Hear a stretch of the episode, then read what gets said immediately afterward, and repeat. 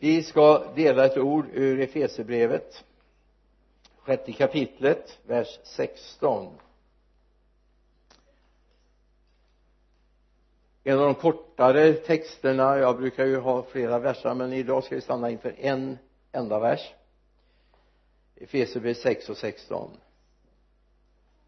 tag dessutom trons sköld med den kan ni släcka den ondes alla brinnande pilar. Amen. Ta dessutom trons sköld. Med den kan ni släcka den ondes alla brinnande pilar. Amen. Idag en eh, kort vers men med ett stort och viktigt budskap till oss. Och då är det viktigt att vi noterar att eh, undervisning i, i vilket det är i det profana livet eller i, i kyrkan i gudstjänsten är det viktigt att vi tar med oss reflekterar över och gör någonting av. Varje undervisning är en utmaning till oss att göra någonting. Och det, det är viktigt så vi inte blir som förlåt uttrycket andliga papegojor du kan lära en papegoja att säga väldigt mycket eller en koltrast som vi hade i våra växthus under något år hade, bodde där när jag växte upp. Den kunde man också lära att säga vissa ord men jag är helt övertygad om att koltrasten hade inte en aning om vad de betydde de orden. Helt klar. Vi lärde koltrast säga hej. Åtminstone tyckte vi att den sa det. Koltrasten hette Kalle. Och det var svarte Kalle som bodde i växthuset med gul näbb vi hade en, någon form av hatkärlek till den där. Å ena sidan var det väldigt trevligt att komma ut tidigt på morgnarna till växthuset. Vi hade ganska stora ytor under glastak.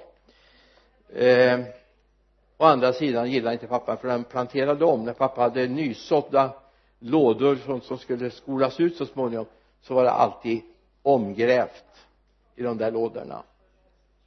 Men som han konstaterar man får ju skylla sig själv vill man ha koltrasten här så får man ju stå för det och så får man ha någonting över så att det kan få chans att växa.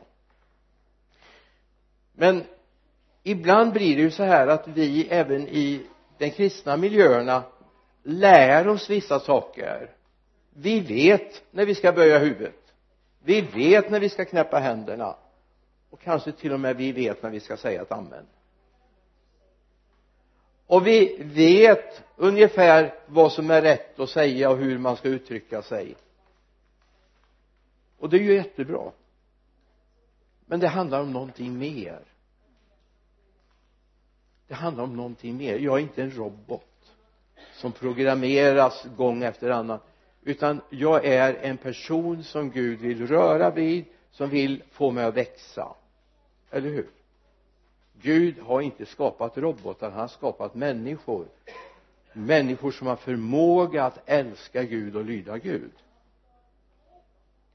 Och jag hoppas att du är en sån andlig varelse som älskar att lyda Gud. Och inte bara återupprepa det som tycks passa. Vi vet att den här världen med allt vad den innehåller av krig, hat, svältkatastrofer och ta vad du vill är i den ondes våld. Det står det i första Johannesbrevets femte kapitel vers 19 vi vet att vi tillhör Gud och att hela världen är i den ondes våld. Vi vet. Och vet du inte det så räcker det att du slår på tv-nyheterna eller slår upp en tidning så får du väldigt klart för dig att det här är inte Guds verk det som håller på krigen i Syrien på gränsen till Turkiet det som pågår i Libanon just nu det är inte Guds verk. Det som sker i Iran, Irak, Kurdistan och så det är inte Guds verk. Världen är i en ondes våld och att vi gång på gång kan läsa om fruktansvärda tragedier där människor mördas i USA Europa och andra delar av världen. Det är inte Guds verk. Världen är i den ondes våld men då är det så gott att veta att det finns en första del av den här versen. Och den ska du ta till dig. Vi vet att vi tillhör Gud. Vi tillhör inte världen, vi tillhör Gud. Vi är på den andra sidan. Men låt mig få ta en bild. Jag är ju utbildad eh, industrielektriker. Och det är en alldeles speciell miljö att jobba på industri som elektriker eller vad du nu har sysslat med om du har varit på en industri. Jag visste att där jag skulle gå fram där jag skulle finnas på bruket fanns det platser med frätande syra. Vi hade en plats med radioaktivitet. Vi hade spänningsförande delar vi hade där det var oerhört extrem hög värme där gick inte folk i vanliga fall men ibland som elektriker var man tvungen dit och reparera någonting. Det kunde vara upp mot 150 grader i manteltemperatur eh, och det är inte så nyttigt att luta sig mot 150 grader. Det var oerhört nedsmutsat det fanns platser där det var oerhört oljigt och halt. Och samtidigt skulle jag klara av att vara där vilket gjorde att jag fick skydda mig. Jag fick ta reda på där det var frätande syra var jag tvungen att ha viss skyddsutrustning åtminstone glasögon och handskar. Och det är inte så stor skillnad på den här världen. Och det som fanns på industrin. Det finns saker som vi inte kan beröra. Det finns saker där vi inte kan vara om vi vill behålla vårt hjärta rent om vi vill behålla vårt andliga liv i välmåga, förmåga. Alltså det är viktigt att vi inser att när vi är i den här världen som är i den ondes våld så är det inte alls nyttigt för oss. Jag hör till Gud. Jag hör inte till världen. Alltså finns det saker som jag behöver ha en viss distans till. Och det här är viktigt att vi har klart för oss alltså vi behöver undervisning. Vi behövde information när vi jobbade på bruket att där är det så och där är det så. När ni öppnar den dörren så så finns det frätande vätskor där. Där får inte folk vistas. Men det fanns elinstallationer som var tvungen att ordnas med ibland. Och då behövde man undervisning. Man behövde få reda på var man kunde vara var, hur, hur man kunde bete sig. Så är det också i den här världen. Jag blir bedrövad ibland när jag ser vad kristna människor tillåter sig göra. Det är som om de aldrig har förstått att den här världen är i en ondes våld och så småningom smyger det som finns i den här världen in i deras tankeliv, deras värderingar och de tar skada till ande och själ och därför är det viktigt att vi lyssnar när Gud talar. Och förstår att Gud faktiskt älskar oss. När Paulus skriver till församlingarna så är det akt och mening att vi ska lära oss leva med det kristna livet och bevara det in till den dag han kommer tillbaka. Att vi har våra rötter på rätt ställe att vi är rotade i Kristus. Böckerna som han skrev till församlingarna och som är bevarade för vår tid och för att vi ska få del av det handlar om lev rätt han är också medveten om om vi går till Galaterbrevets första kapitel verserna 69 så skriver han till en församling som han har en väldigt tajt relation till. Eller har haft en tajt relation till. Och så skriver han så här. Jag är förvånad över att ni så hastigt avfaller från honom som har kallat er genom Kristi nåd och vänder er till ett annat evangelium fast det inte finns något annat. Däremot är det några som skapar förvirring bland er och vill förvränga Kristi evangelium men om det än vore vi själva eller en ängel från himlen som predikar evangelium för er i strid med vad vi har predikat så skall han vara under förbannelse. Det vi redan har sagt säger jag nu än en gång om någon predikar evangelium för er i strid med vad ni har tagit emot så skall han vara under förbannelse. Alltså vad, vad är det här? Jo han är rädd om vännerna i Galatien han är rädd om dem i den församlingen. Och säger nu har det kommit dem och de predikar en avvikande, ett avvikande evangelium. Och då går han så långt som han säger om det så än är vi själva som kommer eller en ängel från Gud eller ängel från himlen så är han under förbannelse därför att det här är fel. Alltså så noga är han att de ska behålla rötterna rena i evangeliet. Och det här är viktigt att vi har med oss. Även om vi har börjat vandra med honom så kan vi komma fel. Om vi inte håller vårt hjärta hela tiden hos honom.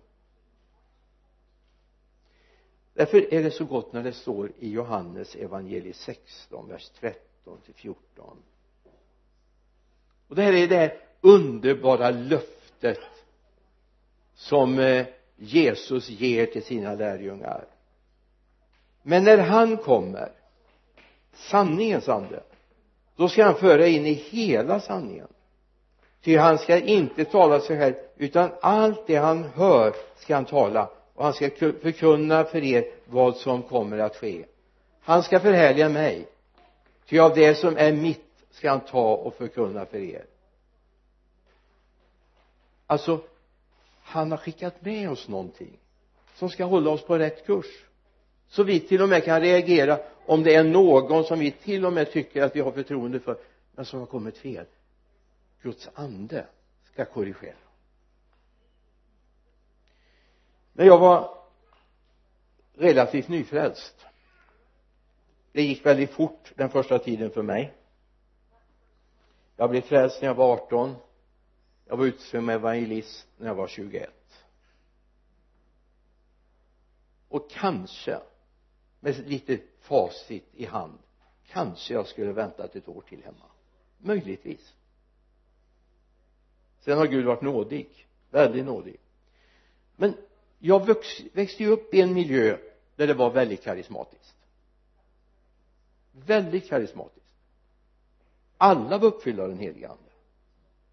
Och det var väldigt fräscht. Det var väldigt sund miljö. Jag är väldigt tacksam för den miljö jag fick växa upp i för den var väldigt sund och den var väldigt fräsch. Men jag upptäckte att när jag inte var i den miljön jag var snarare 40 mil därifrån när jag kom ut som evangelist min första församlingstjänst då var det ingen självklarhet längre att det fyllde på som fanns liksom i, i atmosfären hemma i församlingen. Utan helt plötsligt stod jag väldigt ensam och kände jag var inte förankrad själv. Och jag ska säga att, att tala om det här nu det är jättejobbigt. Alltså mina rötter var inte där. Mina rötter var hos mina syskon. Och det är väl väldigt bra va? Men jag behövde egna rötter. För det är inte så här att den heliga ande är någon sorts andlig booster för mitt andliga liv va? Utan det är nödvändigt att det får gå djupt i mitt liv. Så när jag började tjäna Gud så var det väldigt så här och det här har många gått igenom så det, jag är nog inte ensam. Då hade jag förebilder och det, det är bra med bra förebilder. Men när man försöker bli som dem låta som dem uttrycka sig som dem. Jag nämnde ju om om här jag lånade eh, Ronnys bibel här för ett tag sedan att eh, ni vet Billy Graham hade ett uttryck. Han sa the Bible says. Det fanns en Liljegren en inte Christer som brukar vara här utan en annan äldre man. Han när han förkunnade sa han att det bibeln säger. Och hade ett uttryckssätt och jag började likadant. Alltså efter tre veckor så hade jag tömt ut alla predikningar jag hade hört och kunde utan till. så helt plötsligt nu måste jag ju äta själv. Jag måste få någonting från Gud själv. Och då var det någonting som behövde hända i mitt liv. Lyssna vad var det som började hända. Jo jag behövde ödmjukhet. Det var en broder i församlingen som påpekade det för mig. Och jag blev jättearg. Väldigt ödmjukt arg. Eller hur? Tyckte han var hemsk Hans Lundin tyckte han var hemsk mot mig. Broder sa han. Du bör ödmjuka dig och lyssna på undervisning sa han. Ja. Det var ju lättare sagt än gjort, eller hur? Men ödmjukhet inför honom är en nödvändighet för växande. För ödmjukheten kommer föra mig in att jag faktiskt vågar pröva nya saker, vågar lyssna vågar ta del av, börjar förstå. Och så börjar jag fatta att i romarbrevet 10, 17 så alltså kommer predikan i kraft, eh, predikan i kraft av Kristi ord. Och nu står det ju inte så egentligen i grundtexten. Det står tron kommer av hörandet. Hörandet av Kristi ord. Alltså vi kan få höra tusen predikningar och det händer egentligen ingenting i våra trosliv. Vi får massa kunskap i hjärnan men det börjar hända någonting i vårt inre vårt växande. Och det är när jag börjar lyssna ta till mig för att kunna göra. Så vi behöver ödmjukhet för att kunna växa. Så Gud får chans att tala till oss. För det är inte alltid vi gör allting rätt från början. Och inte sen heller i och för sig har vi då inte ödmjukheten att säga ja men jag har hört. Jag har läst det här bibelordet. Jag satt med en bibellärare för några år sedan. Ja det är rätt många år sedan nu. Någon gång 68, 69 så är det rätt länge sedan nu. Vi satt och lunchade ihop han och jag. Och han var väldigt tydlig så här ja jag gjorde en eh, exeges över det här bibelordet för tio år sedan och det har inte ändrat sig. Och jag bara tänkte men du kanske har ändrat dig. Men det vågar jag inte säga han blev så småningom professor i på universitetet i eller docent var han på universitetet i Göteborg i ehm, ja, kan släppa det. Men i alla fall jag tänkte nog har det gått lite vidare med dig. Det är viktigt att vi har en ödmjukhet för att Gud ska kunna tala. Och det behöver vi också när vi ska lyssna till det här bibelordet när jag kommer till det så småningom. För tänk dig om Mose som leddes av Gud genom Röda havet med folket. Jag har hört väldigt många olika siffror på hur man var alltifrån 600 000 till 3 miljoner. Men egentligen är det inte så viktigt om de var 600 000, 3 miljoner eller om de var 50 personer. Det kan vara problem nog ändå. Eller hur? Tänk om Mose har sagt ja men Gud det, det är ju det är ju väldigt snällt att du säger att vi ska gå här. Det är ju genaste vägen men du vet att vi gör som alla andra. Vi går runt problemet. Då har de fått en rätt så rejäl vandring i och för sig. Men det var ju säkert. Man brukar ju inte gå igenom vattnet bara. Men Mose var inte så han ödmjukade sig och han hörde och han gjorde det Gud sa att han skulle göra. Vi ska leva som kristna med trons sköld. Vi ska leva med trons sköld. Amen vi ska leva med trons sköld. Vi lever i en värld som är full av den här ondskan som finns här va? Hela världen är den ondes våld. Och tro inte för då har djävulen lurat dig kapitalt. Men tro inte att du inte påverkas av det som sker i det här samhället och den här världen jag kan bara titta på den kristna kyrkan under de 50 år som jag själv har varit aktiv i den. Saker som man aldrig skulle tillåta sig som kristen för 50 år sedan. Och man kunde till och med peka på bibelord och säga men bibeln säger. Sen fanns det en del äldste stadgar också men de kan vi skala bort. Det här gör man gladeligen idag och säger ja men det är väl inte så det betyder jag ska inte ta exempel nu. Det är en sån här lite laddad vecka just nu. Eller hur? Ja. Alltså vi behöver en skärm, ett skydd mot ondskan. Tag dessutom trons sköld.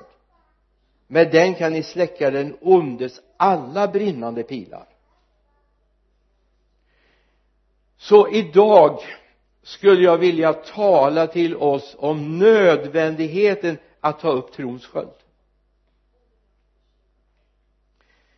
För den har med sig ett löfte. Om du tar upp den så skall alla de pilar, brinnande pilar som djävulen skickar mot ditt hjärta och mot ditt tankeliv släckas ut. Det är väl ett bra löfte, eller hur? Det är inte så att djävulen slutar att skjuta. Det är inte så att djävulen slutar att attackera ditt sinne. Vi är kvar i den här världen. Men om du är beredd att säga Gud jag vill ta upp trons sköld. Så har du möjlighet att leva i beskydd både dina tankar, dina känslor och ditt hjärta. Så det här är ett beslut du har att göra säga herre jag vill gå in bakom din sköld. Det är ett lite spännande ord som används här för sköld i den grekiska texten. Det är inte det vanligt ord som finns på en mängd ställen utan faktiskt är det ett ord som används om man är belägrad i en stad och man är rädd för att man med sina eh, vapen utifrån murbräckor och sånt ska kunna bryta igenom en port.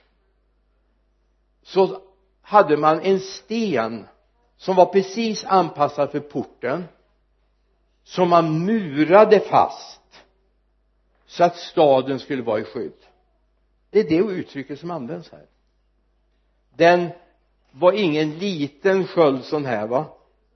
Det var ingen sån här vapensköld som man kan ha hänga i. Ja. Uppe i Stockholm har man eh, alla olika ätter som har funnits har varsin sköld och så utan det här är alltså en sköld som är minst så stor som personen som ska vara bakom. Och som håller absolut tätt. Finns ingen liten rämna det är trons sköld. Den skyddar totalt både dig och alla som är med dig. Det finns ingen springa där den brinnande pilarna kan skjuta in. Det finns ingen plats för det. För det står så här i första Petrusbrevet 5, 8 och 9 var nyktra och vaksamma. Er motståndare djävulen går omkring som ett rytande lejon och söker efter vem han ska sluka. Gör motstånd, motstånd mot honom orubbliga i tron. Och tänk på era, att era bröder här i världen utstår samma lidande.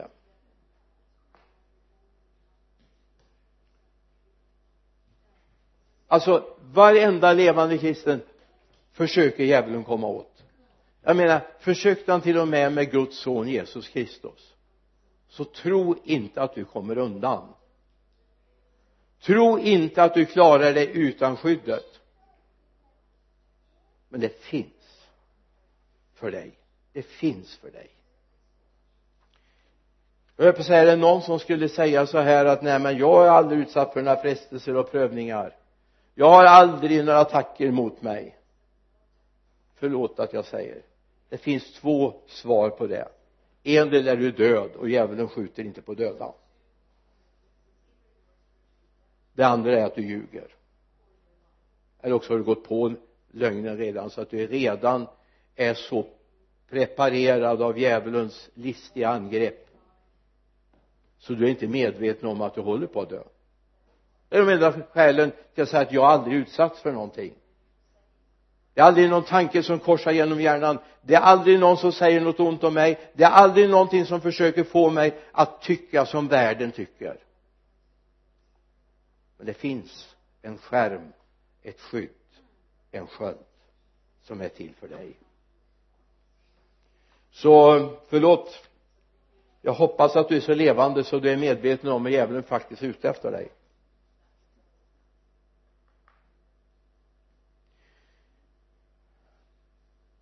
Jag behöver inte läsa men jag ska göra det ändå. Uppenbarelsebokens tredje kapitel vers 15 16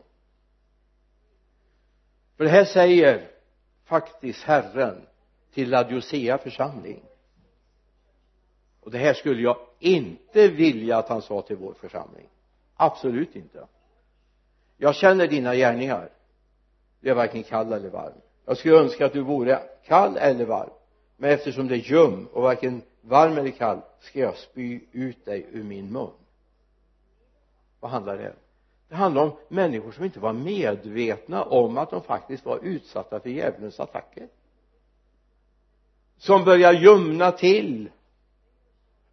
Och då är det en del som säger men varför? Säger han då att jag önskar att du hellre vore kall. Jo är man kall så är man medveten om att man är på väg att dö men den här ljummenheten gör att man märker inte att man håller på att dö. Och det är det som är så farligt. Den kalla kan man väcka till liv. Den ljumma lever gott i detta. Du är varken varm eller kall. Jag skulle önska att du vore det ena eller andra. Men nu är du ljum. Och jag vill spy ut dig ur min mun.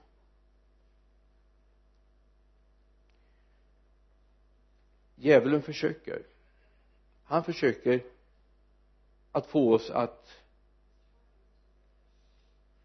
fyllas av otrostankar.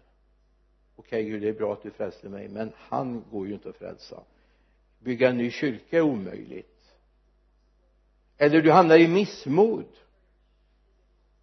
Ja men Gud du ser ju hur det är.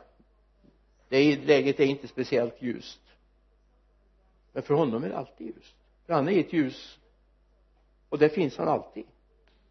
Eller orena tankar är det någonting som körs in idag i vårt samhälle så är det orena tankar. Det kan gälla på det sexuella området.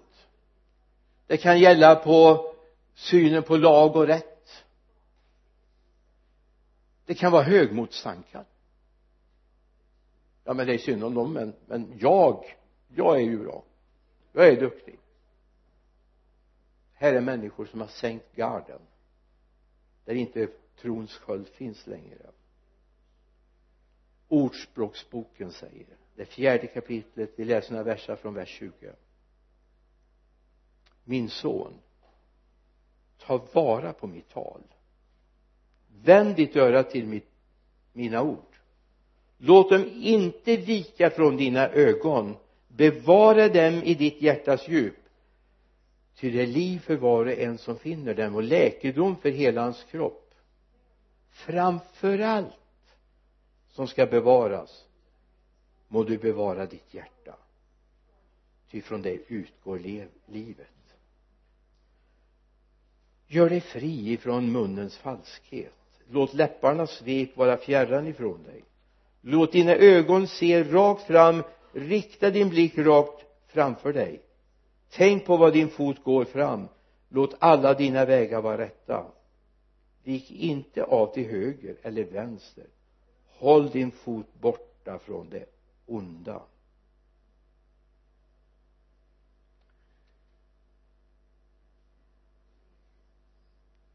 Det som framförallt ska bevaras så ska vi bevara vårt hjärta.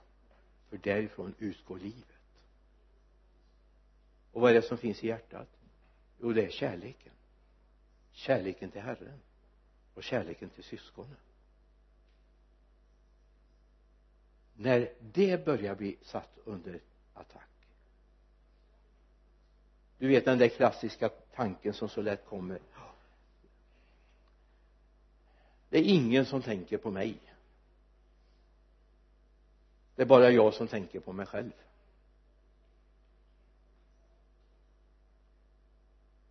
Var kommer den tanken ifrån? Den kommer inte från Gud för han tänker alltid på dig. Han tänker alltid på dig. Det finns ett uttryck här i den sextonde versen i Efesierbrevet 6 det står att vi ska alltid eller ta därutöver då trons sköld vad ska den göra? Den ska utsläcka alla den ondes brinnande pilar. Den ska utsläcka så även om man har tagit ett ord om en sten så den sköld som man bar var inte plåt den var naturligtvis inte sten. Det hade varit nästan omöjligt att släppa runt på man hade haft hjul på den. För den skulle vara manshöjd hög så man var fullt i beskydd. Fick inte vara för bred för man skulle kunna komma åt att attackera också en del stora krigare de hade sköldbärare framför sig som bar sköld men skölden var av ett mjukt material. Ett kompakt med mjukt material. Så om man var i lägret och det började skjutas brinnande pilar mot den hade det varit av plåt så den bara studsat och så hade det börjat tända eld i lägret istället men i och med att den fastnade och släckte den där käran man hade doppat pilen i. Det fick inte vara någon stor klump men man hade kärat pilen och tänt på den. Såg till att den brann ordentligt innan den sköts iväg. Då trängde den in i det där tjocka materialet av någon typ av bastliknande. Och så kvävdes den till döds. Sen var bara druten alltså när vi har rätt sorts sköld så är det inte så här att det studsar på oss och så studsar det till de andra. Det vore ju väldigt orättfärdigt, eller hur va? Okej, okay, jag klarar mig men hur det går med de andra är inte så viktigt. Eller om lägret brinner upp. Utan den har en förmåga att släcka och det är en sån sköld Jesus är för oss. Han har tagit allt på sig, eller hur? Trons sköld är den tro som är implanterad i vårt hjärta.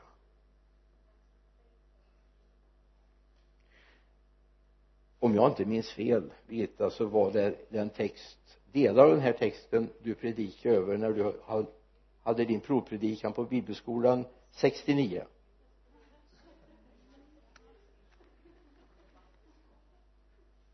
jag tror att det var faktiskt om rättfärdighetens pansar. Birgitta, och det här kommer inte hon ihåg men det kommer jag ihåg. 1969 så talade de om att det fanns inget man behövde, alltså man skulle inte retirera, man skulle inte vända ryggen till utan pansaret var på framsidan.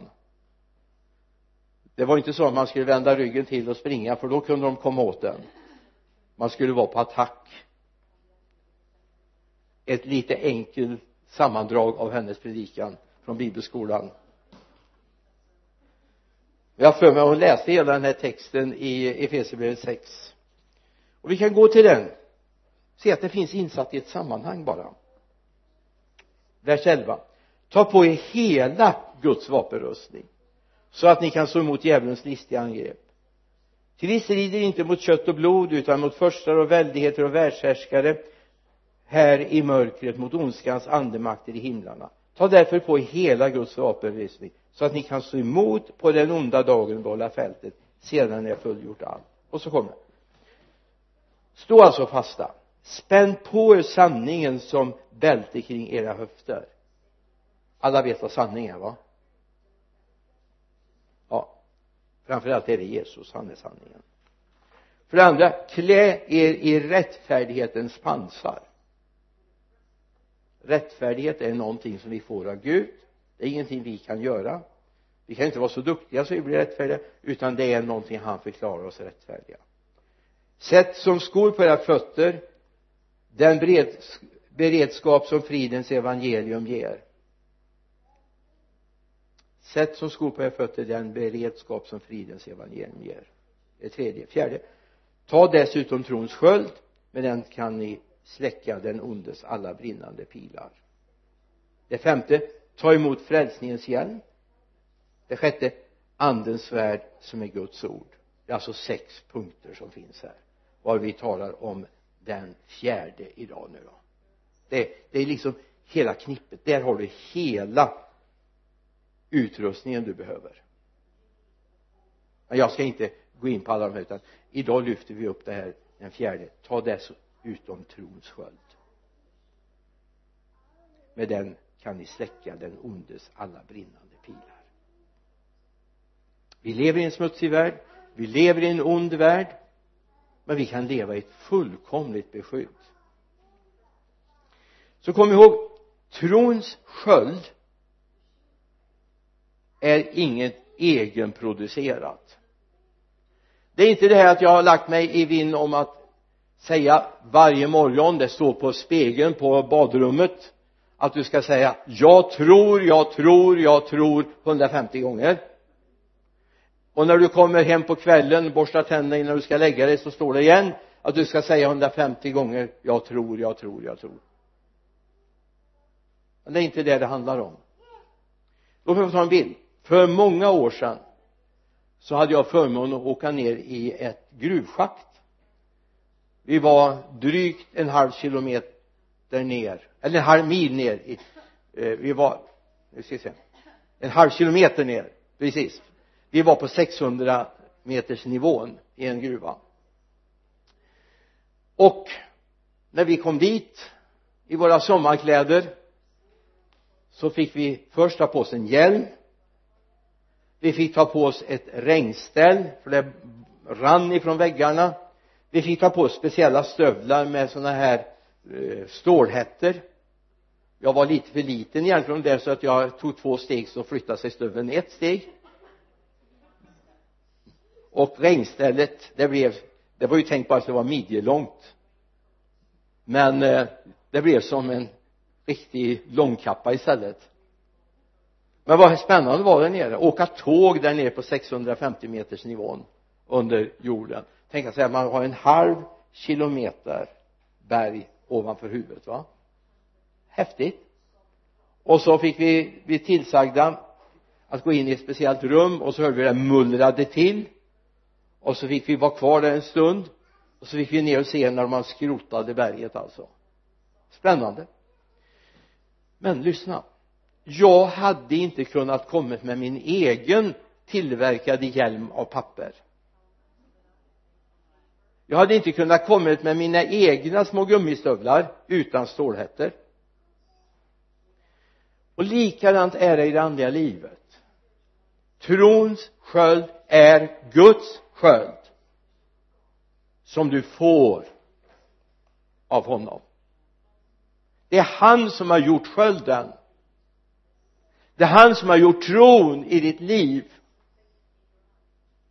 Men du har ett beslut jag vill ta på mig dig eller ej. Nu hade vi inte kommit ner i gruvan utan att ha hjälm på sig och även den var lite väl stor för mitt huvud även om jag hade ganska stort huvud på den tiden men jag fick inte snurra runt för fort för då stod hjälmen kvar. Hade jag nu inte haft hakband och såna här grejer som höll fast den så. Men kom ihåg trons sköld är ingenting du producerar utan någonting som du tar emot. Trons sköld handlar om närhet till Jesus Kristus och den är erbjuden dig men du får själv ta beslutet jag vill vara hos Jesus. Jag vill leva mina dagar tillsammans med Jesus. Det är ett beslut du har att ta som är ditt beslut och ingen annans beslut. Och då står det så här i första Johannesbrevets femte kapitel verserna 4 och 5 det här är versar som du kan ta med dig hem och stava på. Ty allt som är fött av Gud besegrar världen. Och detta är den seger som har besegrat världen vår tro. Vem kan besegra världen utom den som tror att Jesus är Guds son? Alltså ty det som är fött av Gud i Johannes evangeliet läser vi att det som är fött av kött är kött men det som är fött av ande är ande. Det som är fött av Gud är ande. Och det har makt att övervinna i den här världen. Så om du ska ha trons sköld så måste du vara född av Gud. Du kommer aldrig få den annars du måste vara född av Gud. Därför att det här är inget utanpåverk utan någonting som sker i ditt hjärta och ditt sinne. Att du tar emot det Gud gör i ditt liv. Det står faktiskt också att tag därför på er hela Guds vapenrustning. Tag på er. Det står inte ens att han ska ta på oss om vi låter honom göra det utan det står faktiskt att vi ska ta på oss Guds vapenrustning. Så att vi kan stå emot på den onda dagen behålla fältet och sedan, sedan är fullgjort allt. Och så stod det i Efesierbrevet 6 det var Efesierbrevet 6 och 13 Efesierbrevet 6 och 16 så är det tag dessutom trons sköld tag dessutom. Alltså det är ett beslut. Jag vill ta tron in i mitt hjärta. Jag vill att tron ska påverka mitt liv och beskydda mina tankar och mitt sinne. Jag vill det. Och det kommer att kasta om en hel del i ditt liv. Därför det handlar om att då måste tron ta över ditt liv. Om tron på Jesus Kristus får konsekvens i ditt liv då kommer det påverka dig. Då kommer det påverka dig. Alltså tron är inte en teoretisk tro. Tron är en handling. Levde några år uppe i, i Norrland tillsammans eller hade mycket med Kärrsjö att göra. Och någonting som på den tiden hette Tältmissionen numera heter Hoppets stjärna dess grundare Erik Gunnar Eriksson som då levde när vi var där uppe jag var med på en del samlingar uppe hos honom. Han hävdade alltid kom ihåg tron är alltid handling. Jag kan sitta här i Kärrsjö och tro hur mycket jag vill om att barnen på Filippinerna ska bli mättade barnen i slumkvarteren runt Sao Paulo i Brasilien ska få mat om jag inte gör någonting kommer de inte bli mättade. Och det jag gör gör jag därför jag tror på en rik Gud. Jag har väl berättat förut när han fick ett telefonsamtal på den tiden fanns inte mobiltelefoner. Så han, de ropade på honom från kontoret han fick springa in då hade de ett telefonsamtal från Filippinerna. De behövde bygga upp ett nytt barnhem något hade raserats på grund av regn. Och så kommer han ut glädjestrålande. Och så säger han nu har jag lovat bort 300 000 och det ska betalas ut på måndag det var torsdag och sa det bästa var jag har dem inte än? De finns inte på banken en gång. Men på måndag ska de betalas ut. Jag var tvungen alltså min tro var inte så där jättestark så jag ringde upp till tis, på tisdagen till honom fick inte prata med honom jag pratade med Lennart hans son och sa hur gick det med pappa och de där 300 000 till, till Filippinerna? De kom in på söndag kväll sa han. Ja hur då? Det var någon som Gud hade rört vid i landet som hade satt över 300 000 på på eh, Hoppets stjärnas konto. På måndag kunde de föra över pengarna tro är handling. Det är någonting mer. Tron är när det får styra mitt liv. När det får sätta mig i rörelse tillsammans med honom. Vi tror ibland e- på eget sätt och så går vi långt ifrån honom. Tro är att gå tillsammans med Gud. Att lita på även om det ser helt vansinnigt ut för det var det att lova bort 300 000 bara så här rätt upp och ner i telefonsamtal och så tänker jag så här att ja men det fixar sig. Alltså för honom handlar det om att han litade på Gud. Han samarbetade med Gud. Han hade ropat i sitt hjärta Gud ska jag säga ja eller ska jag säga nej? Och Gud sa ja. Och då sa han ja. Och Gud visste samtidigt att det fanns någon som han vidrörde så att han var beredd att sätta över de här pengarna. Tro är att gå med Gud. Och det är viktigt att vi ser det. Tro är också när Gud öppnar mina ögon. Jag hoppas att jag får tala in i ditt hjärta så att du förstår att tron är också öppnade ögon. Är det någon mer än jag som tror att det finns en värld till som vi inte ser? En andlig värld? Det finns en andlig värld? Tyvärr är den andliga världen består den både av ont och gott men det goda litar vi på nu det andra släpper vi va? Det finns en gud som vi inte alltid ser. En gud som tänker saker som inte vi vågar tänka. Tron gör att jag ser vad Gud vill och var Guds möjligheter finns. När den helige ande får tag i mig så börjar han öppna mina ögon så jag ser Gud. Wow det här finns också den här världen finns också. Då har jag inte bara en trons sköld då har jag också en trons vandring. Då går jag med honom. Då går jag med honom. Det är mycket som har skett där man har gått i tro. Jag kan bara citera eller nämna om församlingen i Lidköping som vi jobbar i idag och där vi ser saker hända. Vi är jätteglada vi är tacksamma för för vad Gud gör. Nya familjer som börjar knyta an till församlingen där som är församlingslösa idag som bara längtar efter att få komma in i en andlig miljö. Men det startade väldigt tufft. Gud talade till några på slutet av 1800-talet att de skulle bygga en ny kyrka. Församlingen var inte då tio år gammal. Församlingen grundades 1894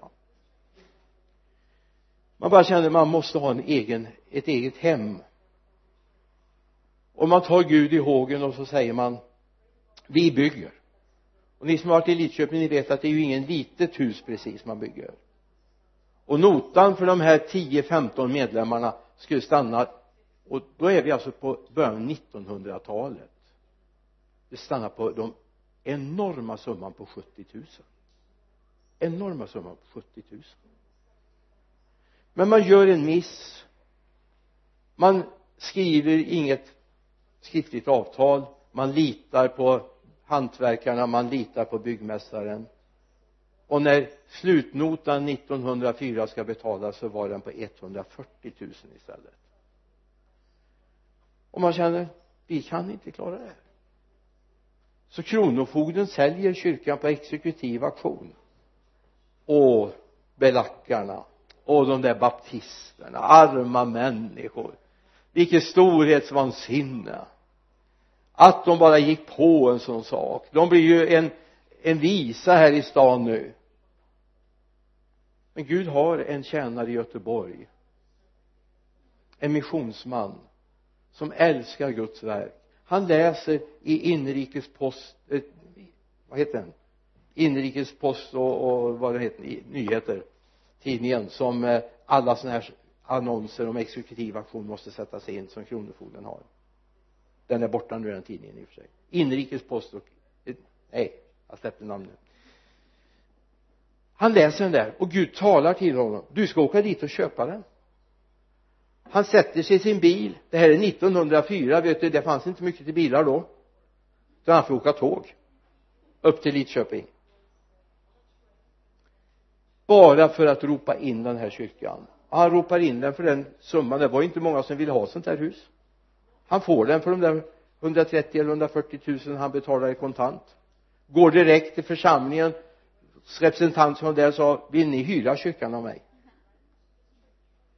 Och han har mycket mycket förmånlig hyra. Mycket förmånlig. Jag har hört de summorna också men ska släppa det eftersom jag inte har dem. Och när de kommer fram till 1909 eller 90, ja mellan 1909 och 1913 så köper man tillbaka kyrkan och blir ägare av den.